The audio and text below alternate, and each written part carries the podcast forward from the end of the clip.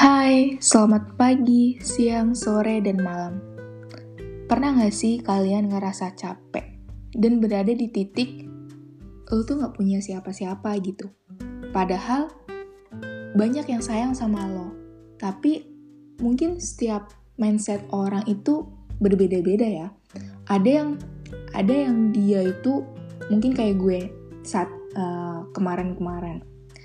Gue tuh merasa gue tuh nggak punya siapa-siapa lagi. Dan uh, gue tuh ngerasa sendiri gitu. Padahal uh, lu tuh nggak harus berpikiran kayak gitu. Yang ada lu tuh bakalan ngeyak, ngenyakitin diri lu sendiri gitu. Dan seakan-akan hidup lu tuh bener-bener udah nggak berarti lagi. Otomatis semua aktivitas lo uh, kegiatan lo atau plan-plan lo yang udah terencana itu bakalan berantakan semuanya. Karena ke distract hal itu aja.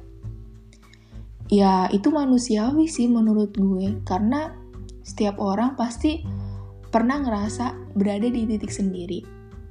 Dan lo juga gak semuanya bakalan harus selalu bersama-sama gitu sama orang yang lo sayangin.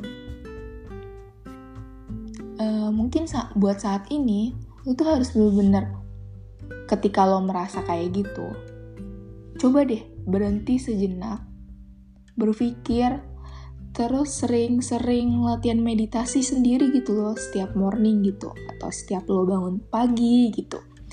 Dan lu tuh biar setiap lo pagi itu tuh nggak langsung overthink gitu loh. Biar lo tuh berpikir positif gitu.